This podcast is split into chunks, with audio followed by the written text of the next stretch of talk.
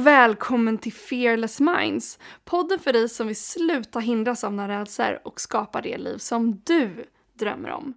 Och I det här avsnittet så pratar vi om receptet för ett orubbligt självförtroende. Och vi kommer prata om begrepp som självförtroende, självkänsla, självtillit, vad skillnaden på de här är och varför det är viktigt att förstå skillnaden på dem.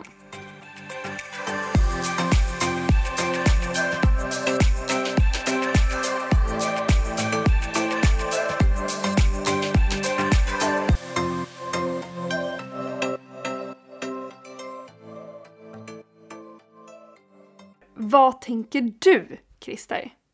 Ja, eh, självförtroende och självkänsla och självtillit och självrespekt. Det finns ju många ord och många termer, men faktum är att vi behöver faktiskt stanna upp och tänka till på vad är det ena och vad är det andra? Jag pratar ju om att, att självförtroende kommer ur självtillit. Eh, jag sa att självförtroende är att jag har förtroende för att jag kan det jag vet att jag kan. Och självtillit förklarade jag i första avsnittet. Det är det som fyller på och skapar självförtroende. För självtillit, det är jag har tillit till min förmåga att klara saker jag inte vet att jag klarar. Så att någonstans liksom träna dig hela tiden på att se skillnaden mellan det du gör och den du är. Och det är också därför faktiskt, eh, min första bok heter ju Vart är du på väg? Och vill du dit? För många håller ju på att prestera i miljöer de egentligen inte trivs i. Att prestera sig fast i en ångestladdad livssituation. Men egentligen vill de inte vara där. Egentligen vill de inte leva det livet. Och jag rekommenderar ju alla att sätta sig i stolen, gungstolen. Nu är du 80 plus. Och så tittar du tillbaka på ditt liv. Lever du nu det liv du tror att du då kommer att vilja ha levt? Lever du ditt liv eller lever du någon annans liv? Presterar du för att duga för mamma och pappa eller syskon eller ditt sociala umgänge? Eller har du utvecklat din självkänsla till att eh, inse att ja, det kan väl vara kul att prestera, men det är inte det viktiga i livet. Utan det är faktiskt att jag tycker om mig själv. Att jag känner med mig själv, att jag respekterar mig själv. Det här ämnet påverkar väldigt många av våra tidigare samtal i våra poddar respekt. Att du inte själv är din egen eh, illvilliga kritiker utan att du är en kärleksfull, konstruktiv kritiker som vill utveckla dig själv. Men framförallt i ditt mående. Hur mår jag i det här? Trivs jag med det här? Det är frågor jag vill att du ska ställa dig när du reflekterar kring skillnaden mellan självförtroende eh, och självkänsla. Hur känner du för dig själv? alldeles för många jag träffar har en alldeles för låg självkänsla i förhållande till sitt självförtroende. Jobba på det. Träna det. Jag lovar, det kommer att innebära jättemycket för dig.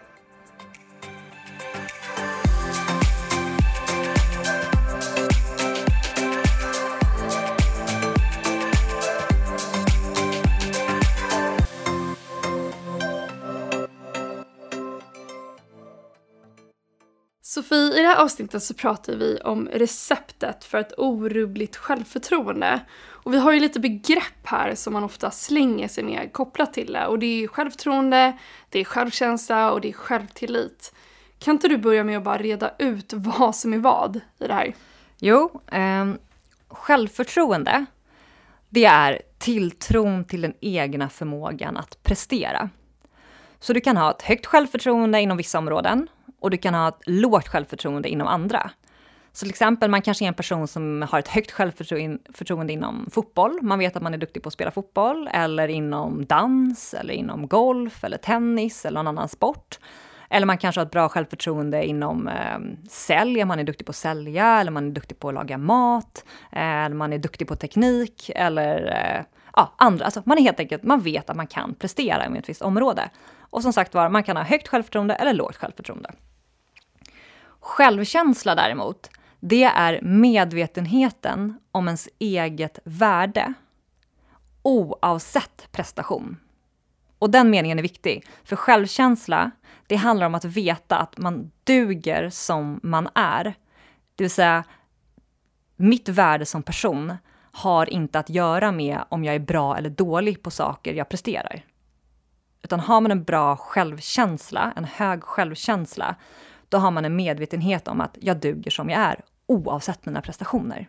Det finns alltså inget likhetstecken med ens prestationer och ett värde som person. Och självtillit, det är ens tillit till ens förmåga att klara saker som man ännu inte kan. Så om jag har en hög självtillit, då, då, då, vet jag att jag kan gå ut och prova någonting, något nytt som jag vet att jag ännu inte kan. Men jag har en hög självtillit i att jag kommer att klara att bygga upp mitt liksom, självförtroende inom det här och klara av det här. Men varför är det viktigt att förstå skillnaden mellan de här begreppen? Kan inte du berätta det? Men för mig har det varit en jätteviktig eh, insikt att förstå att det är skillnad och vilken skillnad det är. För att jag hindrades väldigt mycket eh, av att inte förstå skillnaden. Alltså för mig var det så att jag, jag kommer så himla väl ihåg, jag var 19 år och jag hittade en bok Eh, som beskrev den här skillnaden som jag förklarade och som framförallt beskrev skillnaden mellan självförtroende och självkänsla. Det vill säga självförtroende som jag sa, det är det här med att man vet att man har tillit till sin förmåga att prestera. Och självkänsla är medvetenheten om sitt eget värde oavsett prestationer. Och jag minns att när jag läste det här och förstod att det var två olika begrepp och det fanns två olika innebörder. För mig var det som att alltså, tunga tegelstenar föll från mina axlar.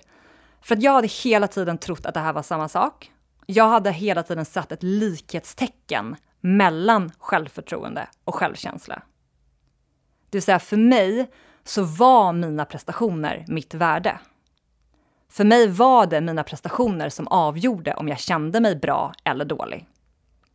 Och det här kallas ju för övrigt att man har en prestationsbaserad självkänsla. Alltså mitt värde som person bygger på allt jag gör.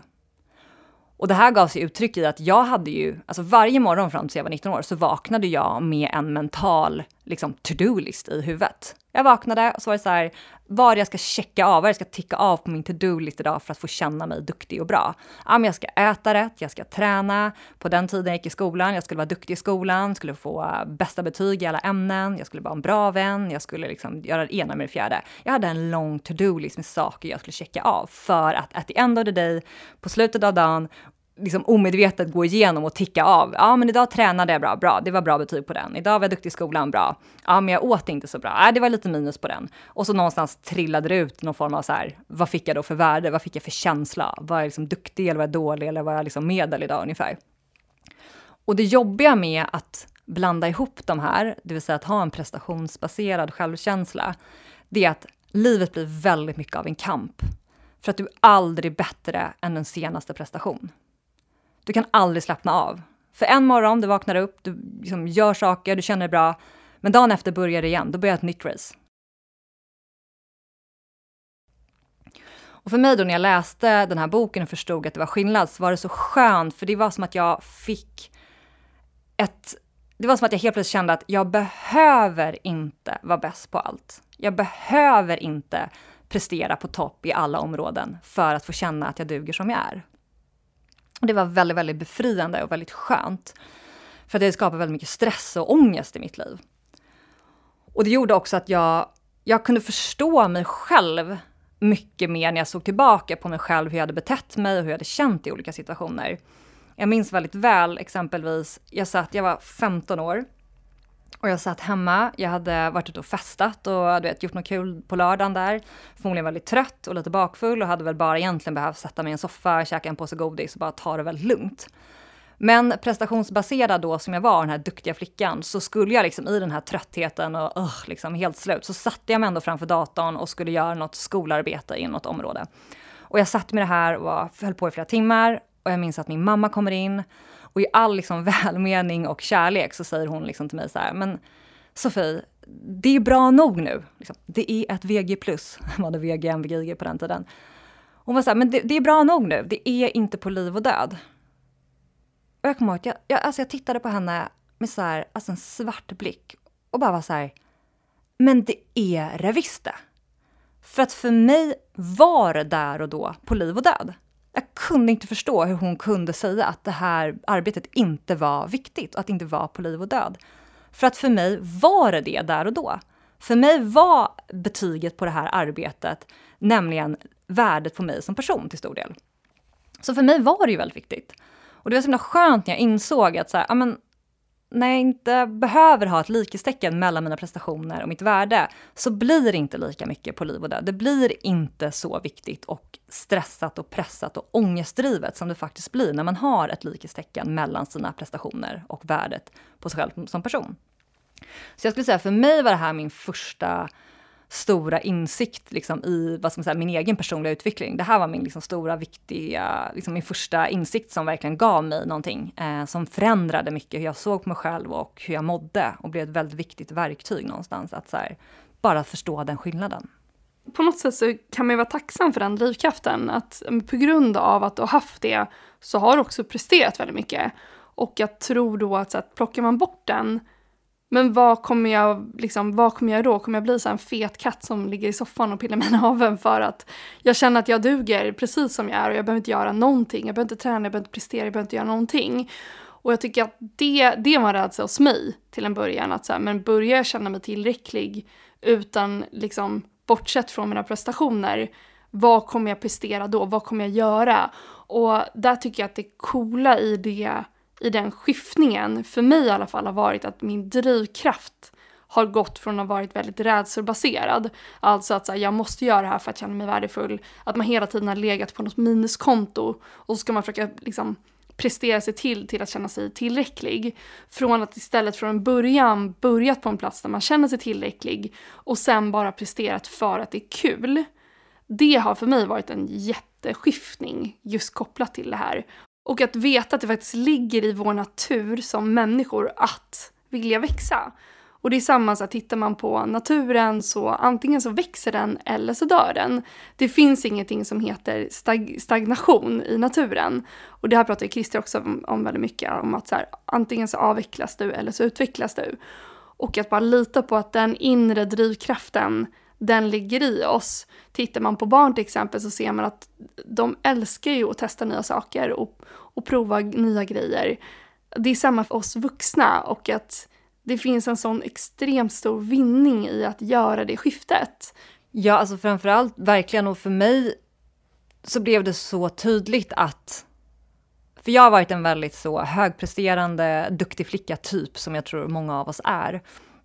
Och det gjorde ju att jag, jag, för mig, jag ville ju hela tiden nå nya mål. Jag ville gå utanför komfortzonen, jag ville växa. För att jag visste ju att ju mer jag växer, desto mer liksom, nya projekt och saker jag tar mig an, desto större liksom, potential till ett högre värde någonstans. Alltså så här, oh men gud, nu tog jag mig an det här svåra projektet och jag klarade det. Wow, vad värdefull jag är någonstans. Så det var ett likhetstecken mellan mina höga prestationer då och mitt höga värde. Men det gjorde ju just att jag fick en klump i magen så fort jag skulle ta mig an en ny utmaning, gå utanför komfortzonen, så kände jag ju att det, så här, det var ju jobbigt, det var svettigt, det var mycket stress och press. Så jag fick verkligen så här, push, liksom, fuck your fears, liksom, trycka mig själv utanför komfortzonen och det var inte särskilt kul. Men när jag insåg att, att jag är inte vad jag gör, så gjorde det att helt plötsligt blev det mycket roligare att ta mig an ett nytt projekt eller en ny, ny utmaning. För att då visste jag ju så här, ah, okej, okay, jag kommer gå utanför komfortzonen nu. Jag kommer göra någonting jag kanske inte kan eller är särskilt bra på. Men jag visste också att, och då visste jag ju någonstans att så här, ja, men det, det kommer jag, jag kommer göra fel. Det kommer inte gå jättebra hela tiden. Jag kommer ju behöva lära mig saker. Men när jag då hade frikopplat att jag, liksom, jag är inte mina prestationer, då kändes det helt plötsligt mer okej, okay, det var mindre läskigt. För det var inte mitt värde som sågs på spel längre. Helt plötsligt blev det ju så här, okej, okay, nu ska jag prova det här, jag kommer göra fel, men jag kommer att lära mig. Och det är inte hela världen. Medan innan var det så här, okej, okay, nu ska jag gå utanför, jag kommer göra fel, fy fan vad jobbigt. så här, shit, jag har redan ont i magen för att det kändes så jobbigt. Så att det händer ju verkligen någonting, alltså på tal om fear-based och fearless, att koppla ihop eh, sina prestationer med sitt värde, det skapar ju en väldig stress. Och då kopplar du ju på den bakre delen av hjärnan, det är ju ett hot. Alltså om man lyssnar på avsnitt två så pratar vi mycket om det här med fear-based versus fearless. Och det blir ju väldigt fear-based, väldigt rädslodrivet att, vara, att, att, att känna att man är prestationsbaserad i sin självkänsla när du hela tiden kopplar ihop dina prestationer med ditt värde. För det är det viktigaste för oss människor, det är att känna oss värdefulla och att vi därmed tillhör flocken. Det är en superviktig instinkt. När du föds som bebis är det viktigaste är att du känner dig älskad för då kommer någon ta hand om dig och se till att du överlever. Så det är en otroligt stark instinkt att vi vill känna oss, att vi duger, att vi är älskvärda i oss själva. Så den kommer vi inte ifrån någonstans.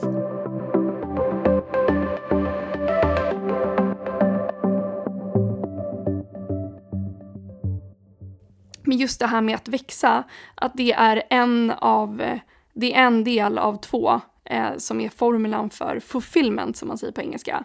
Så att det är en så jätteviktig komponent i ett meningsfullt och berikat liv att faktiskt utvecklas. Så att jag tror att den här, det du har berättat Sofie, det är så himla viktigt att förstå, liksom att dels separera då självförtroende och liksom självkänsla och förstå att alltså se till att jobba på ens självkänsla där man vet att så här, jag är värdefull oavsett om jag presterar jättebra eller om jag presterar jättedåligt.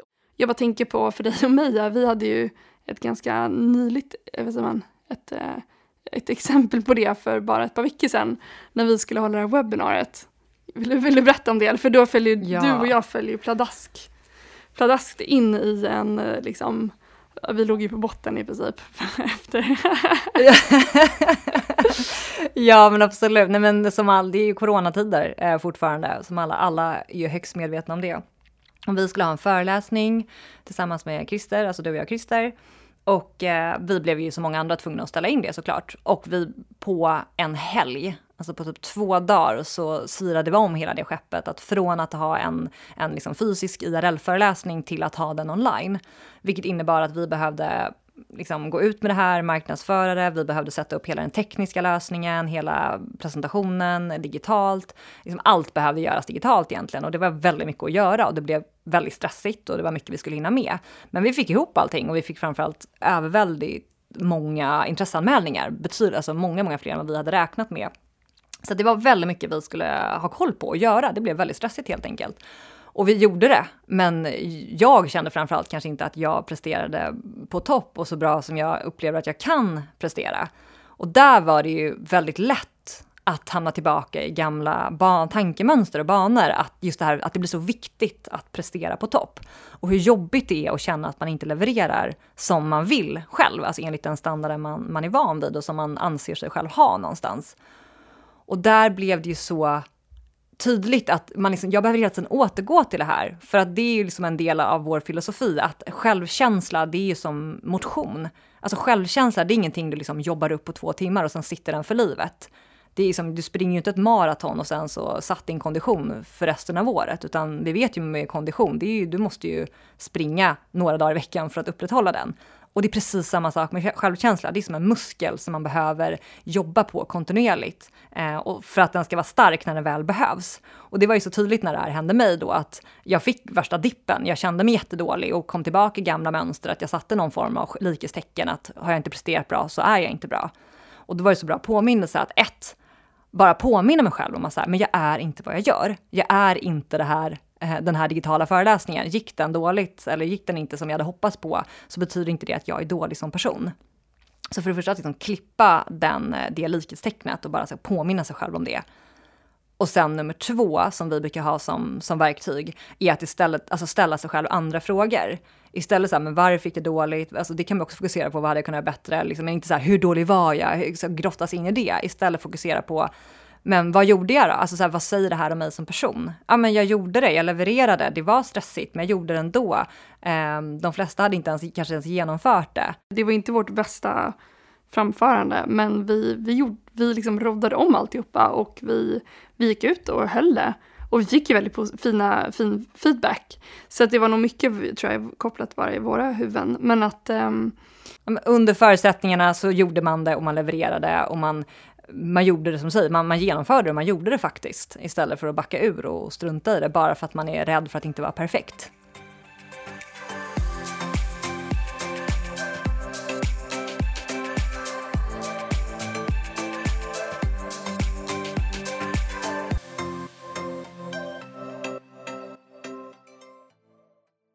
det har varit väldigt mycket prat om det här med att så här, ja, men du ska känna självkärleken och liksom att det, det är lätt att det också blir en prestation. Att så här, men gud nu känner jag ju inte den. Och det är ju framförallt om man tar sig utanför komfortzonen som man blir eh, som, det, som det kommer fram. Liksom när man har så här, när man misslyckas eller man känner som vi då i det här fallet kände att vi gjorde någonting som inte var men, helt hundra liksom. Och att det är lätt att det liksom blir en prestation i sig, att så här, nu måste jag jobba upp min självkänsla. Och det som har hjälpt mig väldigt mycket har varit i att så här, jag behöver inte gå runt och känna att jag älskar mig själv hela tiden. Men att jag bara landar i någon typ av acceptans. För i de här mörka stunderna när man har liksom, man ligger vaken en natt och inte kan sova eller man har gjort någonting som man har misslyckats med. Att bara så här, man bara accepterar det och att så här, det gick inget bra. Sånt händer. Liksom. Eh, det tycker jag hjälper väldigt mycket. Och, att och jag duger ändå. Alltså, jag är bra som jag är. Det behöver inte vara så här, och jag älskar mig själv som jag är. För i de stunderna, för mig i alla fall, så blir det väldigt stora ord som inte jag, som resonerar i den stunden. Men att däremot bara vara så här, men jag duger som jag är. Jag är inte vad jag gör. Liksom, jag är tillräcklig som jag är. Alltså bara påminna mig själv om det som jag innerst inne vet att jag vet. För att när vi alla föddes som barn så var vi helt övertygade om det. Alltså varje unge som föds vet att den är så älskvärd precis som den är. Alltså de kan ju hålla sina föräldrar vakna hela nätterna och är de inte, får de inte mat och gallskriker de tills de får mat och de bajsar på sig och liksom förväntar sig att någon annan byter den där blöjan och så vidare. Alltså det är någonting vi alla vet som små, små bebisar. Men sen så kan då, då uppfattningen förändras. Men innerst inne så vi alla, har vi alla föds med känslan av att vi duger som vi är och vi tillhör. Och det är bara så för mig att bara bra att påminna mig om att så här, jag behöver inte säga att jag älskar mig själv, men så här, jag duger. Jag behöver inte, liksom, jag är inte vad jag gör. Alltså den meningen kan för mig liksom lugna ner situationen i alla fall.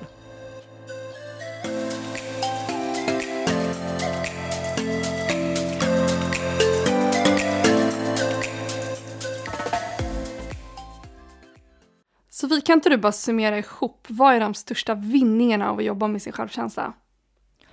Men jag skulle säga att den största vinningen att jobba med sin självkänsla är att du blir mycket mer fri och alltså din spelplan, livet blir mycket mer, alltså spelplan du spelar på i livet blir mycket större. För att när du frikopplar dina prestationer från ditt värde som person, det vill säga när du inte får en prestationsbaserad självkänsla, då helt plötsligt öppnar du upp för nya möjligheter och du blir genuint nyfiken på nya saker. Helt plötsligt så är det inte lika skrämmande att prova det nya jobbet, den nya positionen, eh, den nya sporten, att eh, skapa nya relationer, att åka till ett nytt land. Alltså helt plötsligt blir din spelplan i livet mycket bredare och mycket större för att du vågar expandera din komfortzon. Jag kan ju bara ta mig själv som exempel. Innan jag hade hade förstått att, liksom, att börja jobba på min självkänsla och frikoppla det från, från liksom, mitt värde som person, då var jag vad jag gjorde. Vilket innebar att jag var ju livrädd för att att expandera min komfortzon för mycket. För jag vill ju minimera risken av att misslyckas. Så jag såg ju till att hålla mig inom en väldigt så här, liten och smal komfortzon där jag visste att jag kunde leverera, om inte jättebra så snabbt kunde jag leverera liksom, och lära upp mig själv och liksom leverera på topp.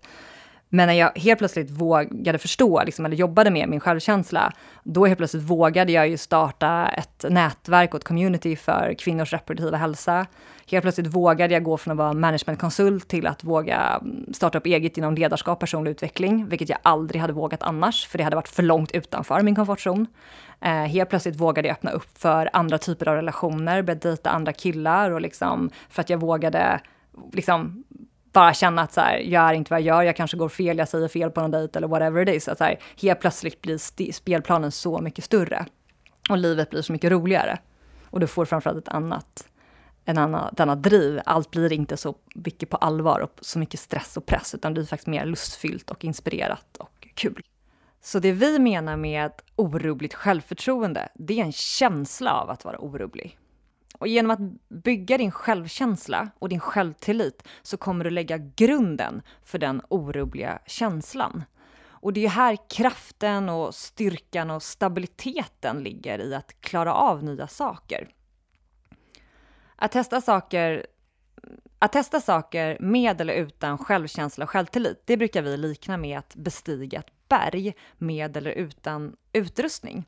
Och själva käns alltså, utan självkänsla och självtillit, det är som att bestiga berget med minimala resurser. Resan kommer ju därför kännas ja, men så läskig och ganska otrygg. Här kommer du förmodligen tvivla mycket på dig själv och här är det också vanligt att fundera på att vända om eller kanske ge upp. Eh, och kanske kommer du så överanalysera vilken väg som är tillräckligt säker. Men om man då å andra sidan tänker sig att du ska bestiga det här berget, men då med en hög självkänsla och självtillit, då är det som att du har all nödvändig utrustning med dig. Du har rep, bra skor, kilar, kanske ett övernattningstält, du har vatten med mera, med mera. Och det här kommer göra att du känner dig trygg, det kommer kännas mer lustfyllt, du kommer våga ta risker för du har ju med dig rätt utrustning och du kommer ta dig upp för berget snabbare. Så receptet på ett orubbligt självförtroende, det har alltså två ingredienser. Den ena är självtillit och den andra är alltså självkänsla. Och i avsnitt ett så pratade vi mycket mer djupgående om självtillit. Så har man missat att lyssna på det så se till att göra det nu. Och där delar vi också en väldigt kraftfull övning som du inte vill missa. Eh, och nu då kommer vi berätta om veckans övning som handlar om hur du kan stärka din självkänsla.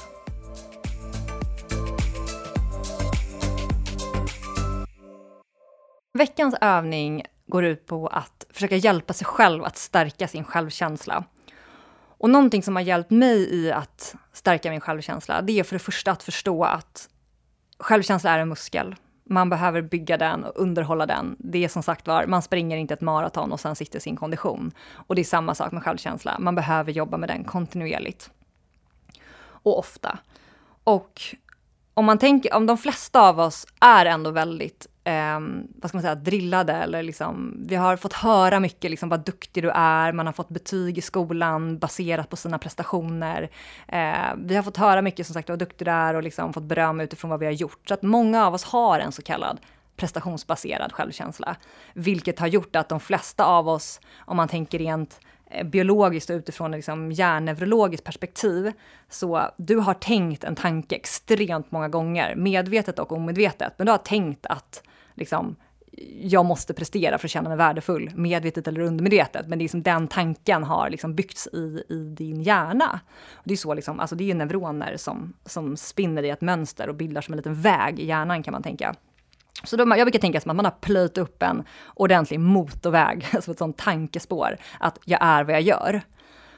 Och då skapar ju det att man får en väldigt prestationsbaserad självkänsla som då är en väldigt låg självkänsla. Och för att då bygga upp den här nya självkänslan som är stark i sig själv, det vill säga att du verkligen känner att du duger som du är, oavsett prestation, så behöver du jobba upp den tanken och den känslan.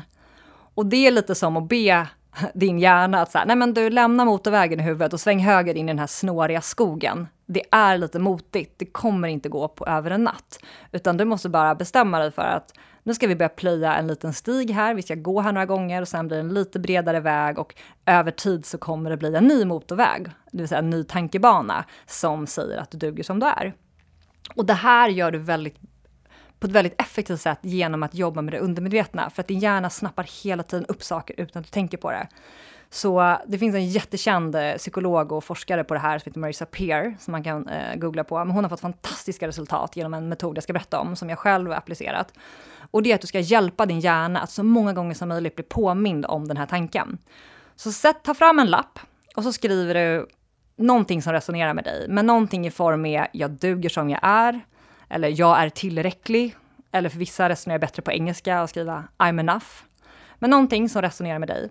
Och så gör dig själv ett litet experiment. Sätt upp den eh, bakom, liksom, på badrumsspegeln.